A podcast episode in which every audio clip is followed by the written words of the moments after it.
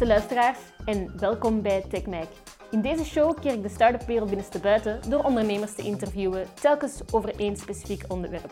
Je kan deze show ook bekijken op mijn YouTube-kanaal. Enjoy! Uh, vandaag heb ik niemand minder dan Arvid de Koster bij mij, uh, CEO en co-founder van WeGroup, actief in InsurTech. Welkom Arvid, bedankt om hier vandaag aanwezig te zijn. Yes, merci om mij uit te nodigen. Uh, vertel mij eens, wat is de pitch van WeGroup? Yes, ja, WeGroup is een uh, insurtech startup die er eigenlijk voor zorgt dat we de connectie tussen verzekeringsaanbieders en de consumenten eigenlijk uh, in een digitale wereld kunnen gaan maken. Hè. We doen dat door middel van Louise, die eigenlijk onze um, 24-7 digital assistant of digital broker is, noem het zoals dat je wilt. Um, waarbij dat we um, door verschillende datapunten eigenlijk gaan zien uh, hoe die klant in elkaar zit, zal ik maar zeggen. Hè. Meer gaan leren over die klant, uh, over zijn risico, over zijn behoeftes en zo daar eigenlijk de ideale verzekeringsproducten aan gaan, uh, aan gaan koppelen. En Louise is een soort van chatbot? Ja, ik, hoe zou ik het zeggen? de naam chatbot vind ik wat disrespectful. Sorry. Geen probleem. nee, het is veel meer dan dat. Het kan inderdaad bij sommige van onze klanten worden op die manier geïmplementeerd. maar vaak is het ook smartphones bijvoorbeeld, of zelfs in de backend uh, een implementatie, uh, waarbij dat Louise echt wordt ingezet om meer over klanten te gaan leren, zowel bij het aankoopproces als ook uh, after sales. Als, ja. je, als je bijvoorbeeld een schadeclaim hebt en dergelijke meer, dan, dan ook. Nu, jullie zijn actief in een redelijk traditionele sector. Um, hoe moeilijk is dat om die te disrupten? Want dat is wat jullie doen, hè? Ja, uh, dat klopt, ja. Dat is het, het is, de verzekering is uiteraard een vrij conservatieve sector. Um, onze voornaamste klanten bijvoorbeeld, dat zijn verzekeringsmakelaars uh, in, uh, in België. Um, en de gemiddelde leeftijd van verzekeringsmakelaars die is 52 of zelfs nog een slag hoger. Dus dat, dat zegt al genoeg, ja. denk ik vaak. Dus niet alleen moeten we hen vaak overtuigen van de goedheid van ons product, zal ik maar zeggen, maar ook van zelfs de nood om zelf maar digitale implementaties te gaan doen. Hè. Dus dat is zeker, zeker een uitdaging. Um, maar meer en meer zien we wel een beweging die dat een tiental jaar geleden in de banksector al met de fintech gebeurde, dat die nu ook gebeurt in de, in de insurance-industrie met, met insurtech. Hè. Dus we, ik denk dat we op, uh, um, hoe zou ik het zeggen, op het juiste moment op de juiste plaats zijn momenteel. Ja. Jullie zijn nu één jaar uh, bezig, um, maar jullie zijn wel gestart als B2C. Kan je daar wat meer van over vertellen? Want vandaag zijn jullie wel in met B2B, ja. uh, een B2B businessmodel. Ja, dat klopt inderdaad. Uh, we zijn inderdaad gestart uh, ongeveer een jaar en een half geleden als, als B2C startup. voornamelijk omdat we zeer gemotiveerd werden door veel mensen die in de Belgische markt zeiden ja, B2C dat is hier onmogelijk. Hè. Je kunt dat niet ja. doen en dat kost te veel geld. Dus dat, hoe zou ik het zeggen, dat stimuleerde ons of dat motiveerde ons om dat zeker te gaan proberen. En uh, we hebben er eigenlijk heel veel uit geleerd. We hebben heel veel contact gehad met uh, de eindklant, zal ik maar zeggen, de consument, die uh, zijn gal bijna uitspoog over, over verzekeringen en, en zei wat er allemaal dwars zat. Dus we hebben daar heel veel uit geleerd, waardoor dat we eigenlijk ook zijn beginnen kijken van ja, de problemen die dat we hier uh, proberen aan te pakken uh, met WeGroup. Hè. Dat gaat dan over bijvoorbeeld de, de, de tijd die het kost om een schadeclaim te gaan verwerken. Of uh, de, de, hoe zou ik het zeggen, de algemene opinie van ah, verzekeringen zijn slecht en dergelijke zaken. Hè. Dat, dat kunnen wij beter gaan oplossen door aan die B2B-kant te gaan werken. Door eigenlijk die aanbieders van verzekeringen, de, de verzekeraars of de makelaars, de tussenpersoon, door die eigenlijk onze technologie te gaan aanbieden. Hè. Dat lijkt ons een veel beter model om, hoe zou ik het zeggen, sneller iets te gaan betekenen. Uh, Even onderbreken, typeert jou dat om zo te zeggen van, ah, wel, ik ga dat toch doen als, als mensen zeggen van, het gaat je niet lukken, dat je zegt van, ga, wat doet het dan als dat dan inderdaad toch niet, niet, niet blijkt te lukken? Ja, uh, dat is een goede vraag. Uh, dat typeert mij zeker en vast. Ik denk dat dat trouwens typisch is voor, voor heel veel, of een typisch kenmerk is voor heel veel ondernemers, dat men, uh, hoe zou ik het zeggen, als heel de wereld rond u roept dat iets zo mogelijk is, dat je net wil gaan bewijzen ja. dat dat wel mogelijk is. Um, maar uiteraard, wanneer dat zoiets dan niet lukt, um, dan is dat, is dat moeilijk of is dat pijnlijk. Ik, ik weet dat wij, zeker in de maanden voor de pivot, heb ik nog geprobeerd, of hebben wij met de founders samen geprobeerd om eigenlijk vast te gaan houden aan dat B2C-model en andere manieren te zoeken om dat toch nog te doen werken. Hey, oh, laat ons marketing over een andere boeg gooien. Oh, laat ons uh, al die klanten uh, opnieuw persoonlijk bezoeken hey, en vragen hoe hun uh, ervaring met, met onze sales was bijvoorbeeld. Ik zeg maar zaken ja. om eigenlijk te gaan kijken hoe kunnen we dat gaan, hoe kunnen we dat gaan verbeteren. Maar vroeg of laat moeten toegeven dat je waarschijnlijk niet de middelen zult gaan ja. hebben om dat te blijven volhouden. In een grote onderneming kan dat wel, maar voor een start-up is dat vaak moeilijk. Um, Waardoor dat we dan die pivot gemaakt hebben. Nu, ik zeg zeker niet dat er uh, geen toekomst in B2C voor WeGroup als, als start-up is. Ik, ik zie dit eerder als een, een, hoe zou ik het zeggen, een detour of een stap terug. Hè, om te gaan zien uh, op welke manier kunnen we iets anders gaan betekenen in de sector en hoe kunnen we die eindconsument zijn of haar problemen toch nog gaan oplossen. En we geloven dat we dat vandaag nog altijd doen. Ja, wat mij wel opvalt is dat jullie zijn nog maar een jaar bezig. Nee, ik kan een andere vraag stellen, want ik ben... Ik kwam echt over de... Sorry. Um, en hoe hebben jullie dan die pivot aangepakt? Kan je tips geven voor andere startups die dat misschien ook op een gegeven moment gaan moeten doen? Ja, ik denk vroeg of laat moeten moet eerst en vooral, uh, men, men, noemt dat vaak kill your babies en dat, dat is wel iets waar dat je... Is het kill your darlings? Uh, ja, is dat zelf Geen baby's dus? Geen baby's killen, uh, slecht. nee, goed, dat is inderdaad iets waar dat je mee moet bezig zijn, zal ik maar zeggen, en waar dat je serieus over moet nadenken. Maar vroeg of laat moet je gewoon die knoop doorhakken. Hè. Vroeg of laat begin je te beseffen dat dat heel erg veel tijd kost om zelf maar in de boardroom te zitten en daarover te discussiëren, waar dat je beter eigenlijk gewoon kunt zijn van kom, laat ons deze gewoon doen. Ehm, en, en werkt het niet, dan werkt het niet. En daar zijn uiteindelijk een start-up voor. Dus ik denk dat je beter op die manier snel gaat proberen te handelen. Um, en daarnaast is het ook zo dat um, wij hebben heel veel tijd verspild, denk ik, door elke mogelijke piste te willen gaan onderzoeken. Hè. Binnen dat B2C-gegeven. Binnen dat B2C-gegeven, maar ook binnen dat B2B-gegeven, toen dat we al aan het spreken waren over, misschien moeten we een pivot maken en dan hebben we elke mogelijke piste onderzocht en blijven onderzoeken. Is dat vanuit een optiek om een berekend risico te nemen? Ja, ja, inderdaad, zeker en vast. Terwijl dat in ons geval, en ik denk dat dat voor veel start-ups zo is, dat er niet zoiets bestaat als een, eh, als een berekend risico in de start-up world. Er bestaan er uiteraard wel, maar goed, soms kun je niet goed genoeg voorbereid zijn en moeten dat gewoon gaan doen. En ik denk dat we eigenlijk eh, een beslissing, we hebben een goede beslissing genomen als onderneming, uh, maar we hadden hem beter een maand eerder genomen. En als we minder gepalaverd hadden in een boardroom, dan hadden we hem sneller kunnen nemen ook. Dus ja. uh, dat zou denk ik mijn grootste advies zijn naar mensen die op die splitsing komen. Ja, je zegt daar iets, hè? tijd winst of tijd ver, verspillen. het, is de, het is de Achilleshiel van elke start-up. Jeroen, Jeroen, Jurgen Ingels zegt het ook in, in een van de TechMac afleveringen. Um, nu, Anderzijds had je mij wel eens eerder al verteld dat door de expertise uh, in je founding team, dat jullie net heel veel tijd hebben gewonnen en dat jullie het daarmee eigenlijk hebben ge gecounterd. Kan je daar wat meer over vertellen? Dat klopt ook. Hè. De, het founding team is heel belangrijk voor een start-up en wij hebben het geluk dat we enerzijds uh, iemand hebben die heel goed in het, in het operationeel is en in alles die, die het financiële is. Uh, iemand die zeer sterk is in het, in het technische dan en in de development kant.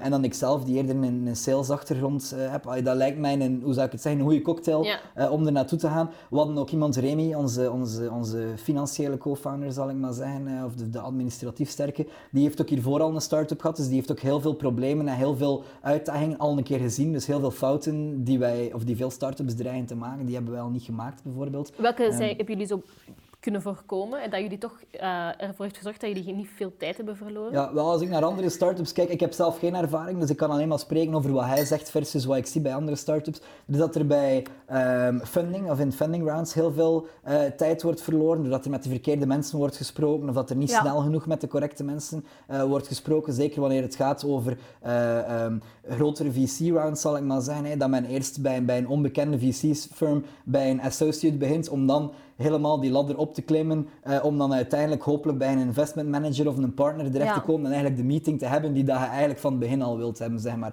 Waar dat wij eerder zagen van, oké, okay, um, het gaat hier echt wel om een netwerk, laten we ons in plaats van tijd te verspillen met die associates en dergelijke meer, um, laten we ons kijken om uh, uh, via ons netwerk of via het netwerk van mensen binnen ons netwerk terecht te komen bij die partner direct. En eigenlijk hadden wij heel snel al een aantal meetings op het correcte niveau, zal ik maar zeggen. Dat is maar één van de vele voorbeelden waar dat waar dat we tijd hebben kunnen besparen. En die denk ik aan de basis heeft gelegen van het feit dat we, hoe zou ik het zeggen, eigenlijk, eigenlijk al veel zaken hebben kunnen doen in een jaar, uh, een jaar tijd.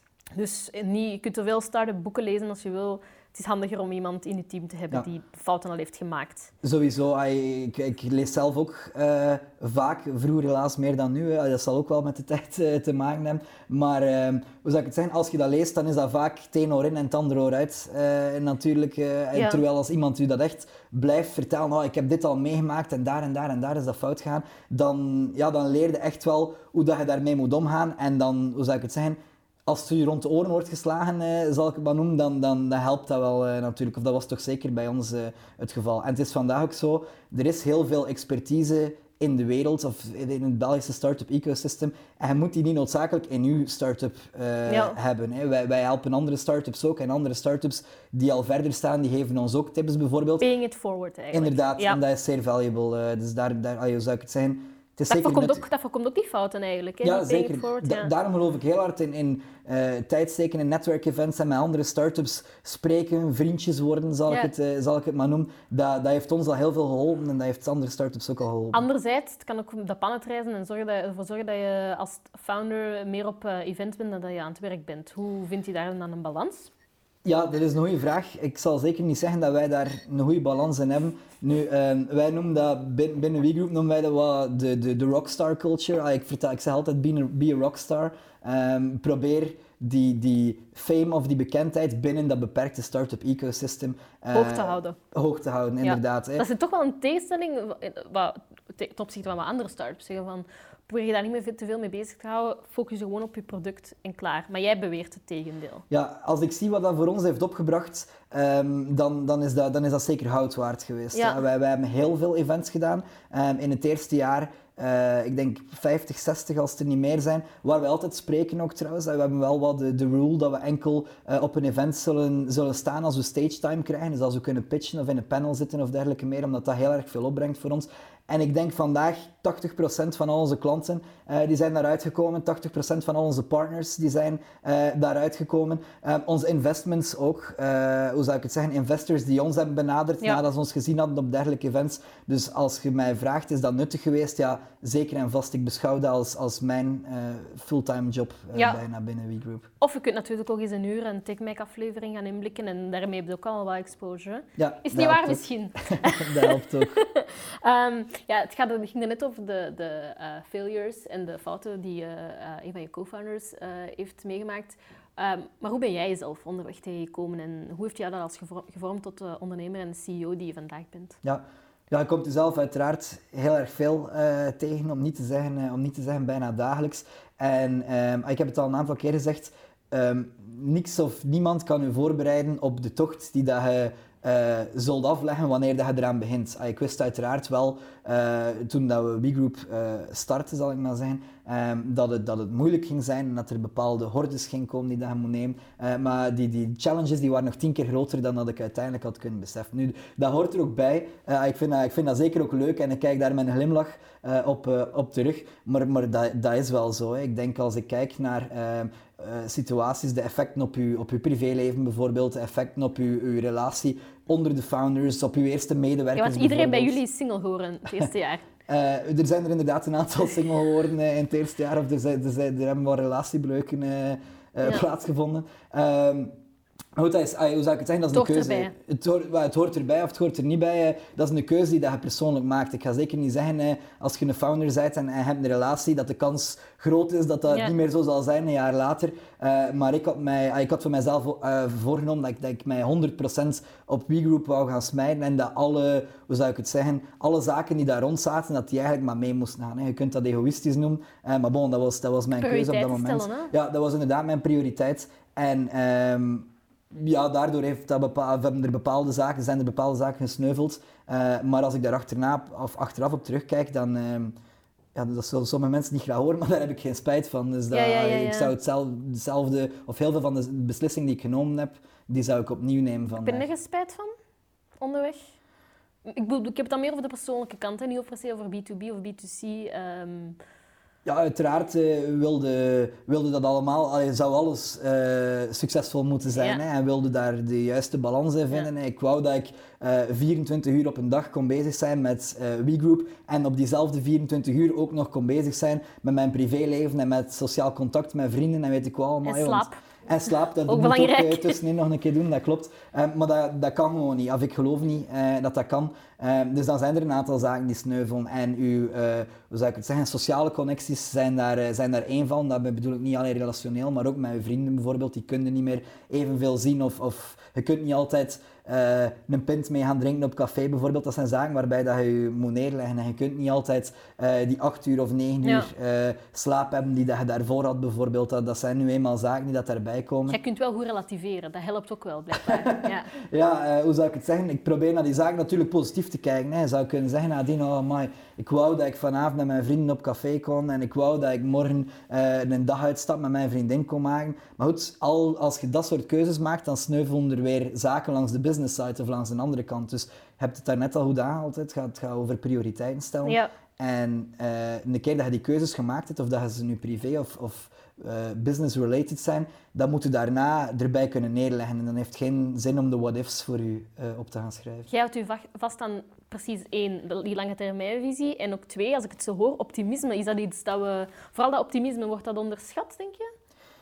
Goh, hoe, hoe zou ik het zeggen? Ehm, ik, ik ken heel veel founders die op events altijd zeer optimistisch zijn. Ehm, dus dat vind ik altijd positief om te gaan horen. Het gaat altijd heel goed natuurlijk. En als je dat mij vraagt, ik ben daar ook schuldig aan. Hè. Het gaat altijd heel Ja. goed. En als je gisteren nog een zware challenge hebt gehad en je vraagt mij de volgende opnieuw, dan nog gaat het supergoed. eh. dus hoe zou ik het zeggen? Ik denk dat dat iets is...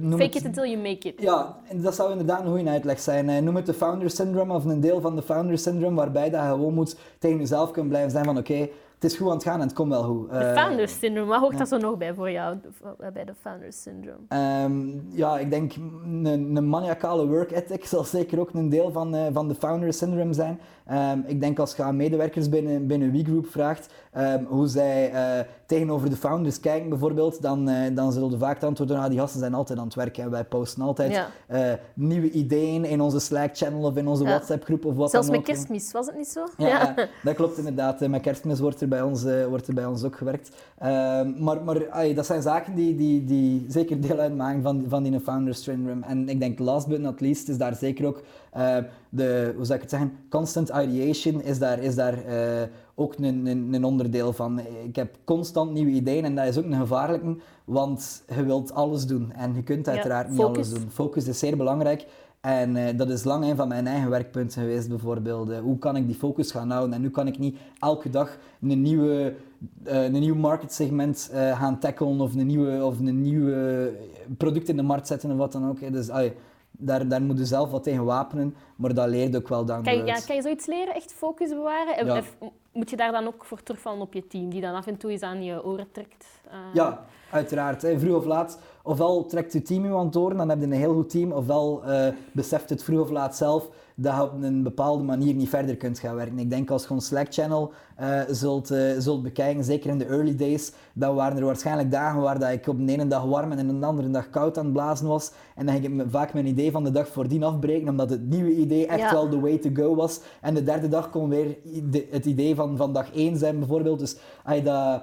Ja, Wispelturig. ja, wispelturigheid, eh, hoe zou ik het zeggen? Ik zal niet zeggen dat dat voor elke founder een probleem is, maar voor Nee. mij persoonlijk... Dat, zal is een van je zwaktes. Dat is zeker een van mijn zwaktes geweest. Ehm, maar dat, daar, daar werkt aan. Ai, vroeg of laat moet ook gewoon zeggen, oké, dit is een goed idee, maar ik ga dat nu even parkeren. En nu ga Ja. ik verder doen met dat van gisteren of dat van... ai, ik ben nu heel eh, eng aan het schetsen. Gisteren kan ook vorige maand of, of zes maanden eerder zijn.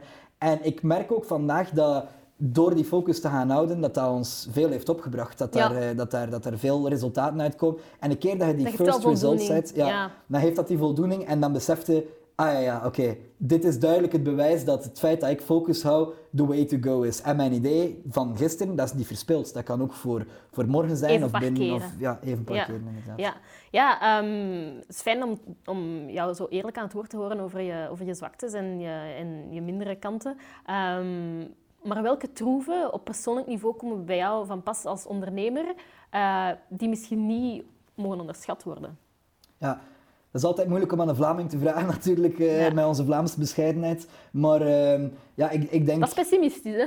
Dat is pessimistisch, ja, oké, knip. Nee. Ehm, maar ehm, wat zou ik zeggen? Ik denk de grootste troef of de grootste skill die ik zelf al had voordien, dat was dat ik heel graag eh, voor een groep spreek heel graag aan, aan, aan, aan public speaking doe en mijn eigen mening probeer. Mensen enthousiasmeren Men- eigenlijk. mensen inderdaad enthousi- enthousiasmeren, motiveren en dergelijke meer. En dat heeft voor ons heel veel opgebracht. Ik, ik pitch heel graag. Ja. En die, die pitching skill, zal ik maar zeggen, dat is zeker ehm, een skill die een van de founders moet eh, beheersen. En als je hem niet beheerst als founder, dan moet je hem zeker leren. Hè. Ja. Everything is sales en everything is, is, is pitching. En life's a pitch, zeggen ze soms. En dat, dat klopt. Ehm, dus dat is zeker een skill geweest die voor mij eh, zeer, zeer nuttig was. En dat helpt niet alleen extern, maar ook intern. Eh, als, ik, als ik naar onze eigen mensen eh, kijk, en soms, en daar heb ik mezelf ook al op betrapt, dan is het niet meer helemaal duidelijk voor iedereen welke richting dat we uitgaan. En dan moeten we dat ook als founder kunnen, kunnen vastnemen en zeggen, oké, dit is wat Ja. we aan het doen zijn en dit is waarom dat we het aan het doen zijn. En ja, eigenlijk moeten we starten met waarom dat we het aan het doen zijn. Maar goed, dat is weer boekenwijsheid, Ja. zal ik maar zeggen.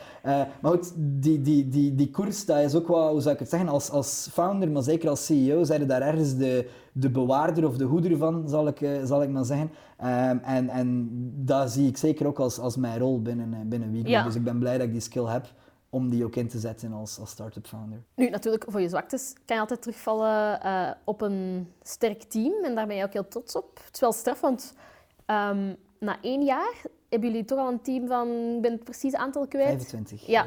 ja, dat klopt. Kan je daar wat... Dat is toch wel veel. Ja, dat klopt. Nu, ehm, wij zijn zeker een atypische start-up eh, daarin. Onze eerste hire, of een van onze eerste hires, was een HR-manager. Ja.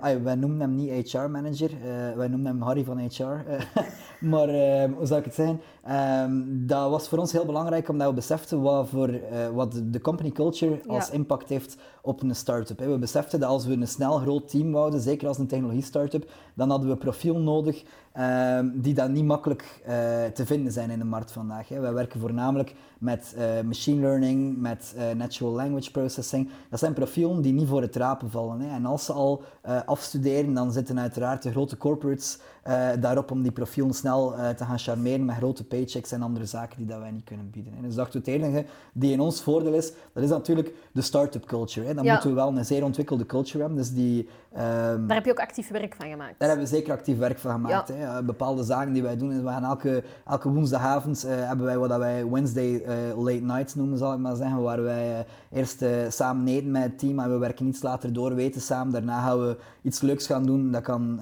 een keer een pint pakken zijn, maar dat kan ook, weet ik veel, karten of bowlen of noem, ah, eender waar dat team eh, zin in heeft, zal ik maar zeggen. Dat zijn allemaal kleine dingen die, die meewerken eh, om, eh, om die company culture te gaan bouwen, zal ik, zal ik maar zeggen. Ook heel veel flexibiliteit binnen ons team. En dat zorgt ervoor dat we enerzijds heel veel van die interessante profielen Ja. konden gaan aantrekken, maar anderzijds ook heel veel studenten hebben kunnen aantrekken. Hè. We zijn bewust beginnen met recruteren binnen hogescholen en binnen universiteiten, ehm, waarbij dat we... Waarom? Ja, nogmaals, het is moeilijk om die profielen eh, te gaan vinden, enerzijds. En anderzijds, ja, de kost voor Ja. eh, profielen die al actief zijn in de markt, zal ik maar zeggen. hè. Ik spreek daar zelfs nog niet over senior developers, maar die is natuurlijk zeer hoog voor de start-up. hè. Terwijl dat wij, als we met studenten werken, dan kunnen wij hen vaak eerst laten starten met een vakantiejob en daarna komt een stagetraject bijvoorbeeld. En pas daarna volgt een vast contract. Hè. Dus heel veel van onze 25 medewerkers zijn officieel geen FTE's, wat natuurlijk, natuurlijk voor onze, mijn West-Vlaams komt er even boven, eh, wat natuurlijk voor onze eh, burn rate zeker niet, ehm, zeker te goede komt, zal ik, eh, zal ik maar zeggen, of zeker niet slecht is. Ehm, maar op termijn ja, worden dat natuurlijk wel FTE's en dan zijn we er klaar voor om die te gaan betalen. Enerzijds is de start-up ook al gegroeid, maar anderzijds zijn die ook al eh, sterk ingewerkt wanneer Ja. dat dan dat stagetraject of, of eh, dat vakantiejobtraject eh afwerkt. En die strategie die werkt voor ons vandaag. Ja, vaak hoor je bij een start-up dat die de bedrijfscultuur moeten uitbouwen naarmate het groeit, maar jullie zijn heel snel tot 25 man geraakt. Ja. Ehm, heb je iemand, die, die Harry van HR, die dan vast over die cultuur waakt? Of Ja. hoe moet ik, wat moet ik me daarbij voorstellen? Zeker en vast. Het begint uiteraard bij, bij de persoon die, eh, die die HR doet eh, bij ons. Eh, die zorgde niet alleen ervoor dat de cultuur eh, er stevig was ingebakken, eh, zal ik maar zeggen, maar ook dat de juiste profielen werden aangetrokken om binnen die cultuur te gaan passen. Hè. Dus het is voor ons zeer belangrijk dat wij de mensen hebben die aansluiten bij WeGroup als onderneming en niet alleen Ja. eh WeGroup die aansluit bij de mensen als werkzoekende hè, of, of, of sollicitant.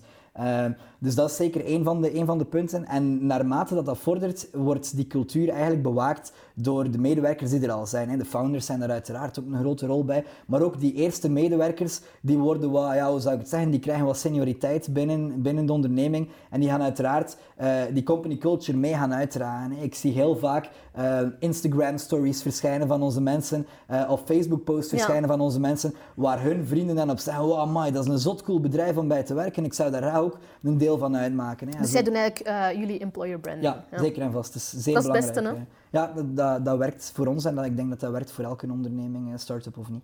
Nu we het toch hebben over mijlpalen binnen dit eerste jaar. Uh, jullie hebben onlangs ook jullie seed round opgehaald. Um, en je gaf op voorhand aan van we hebben toch wel een creatieve funding mix.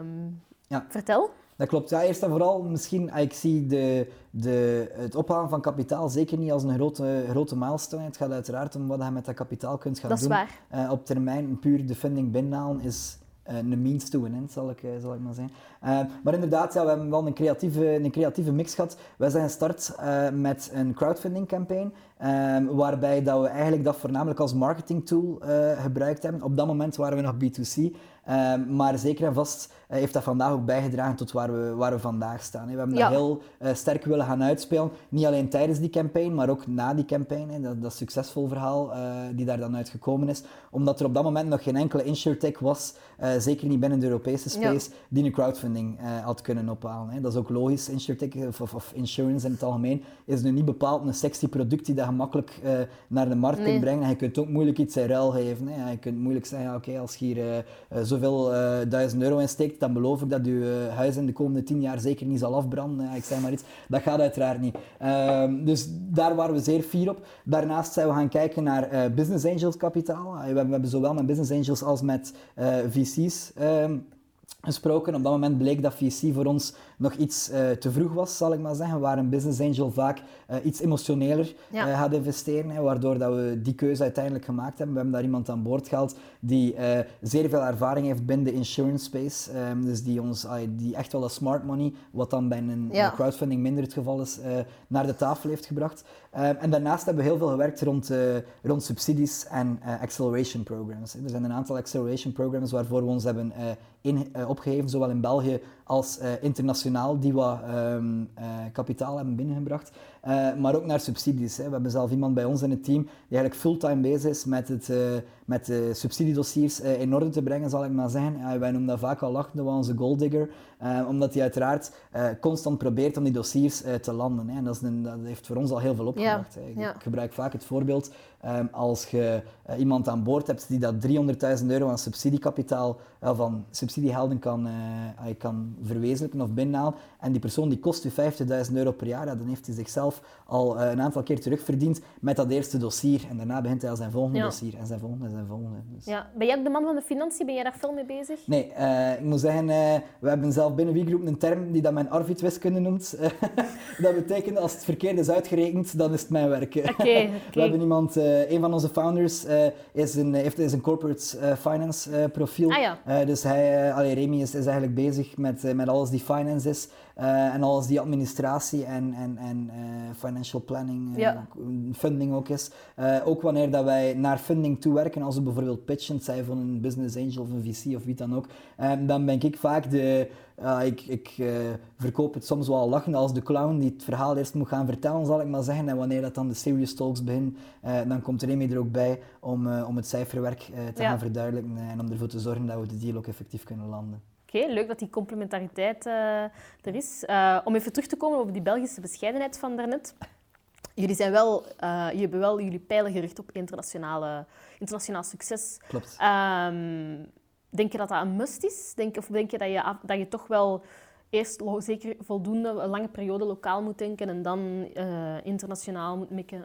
of wat, wat denk je dat andere start-ups daarvan kunnen opsteken? Ik denk, België is, is een zeer diverse markt en heeft eigenlijk al de mogelijkheid om, uh, hoe zou ik het zeggen, in een lokaal ecosysteem uh, diversiteit te gaan testen. Of, of, of een goed marktvoorbeeld uh, te gaan aannemen. Ik denk maar alleen aan de diversiteit tussen Vlaanderen en Wallonië ja. bijvoorbeeld. Als je al een oversteek maakt over de taalgrens, ja, dat kun je al voor een stukje internationalisatie noemen natuurlijk. Ja, ja, er wordt gewerkt in een andere taal, maar er wordt ook, eigenlijk is dat bijna een andere cultuur, zal ik maar zeggen. Dus dat geeft ons eigenlijk al, hoe zou ik het zeggen, ehm, een, een leuke manier om internationalisatie te gaan testen zonder dat we bepaalde boundaries, ik denk maar aan legal boundaries, het opzetten van een agentschap of een nieuw vennootschap in het buitenland, te gaan testen binnen ons klein Belgisch marktje.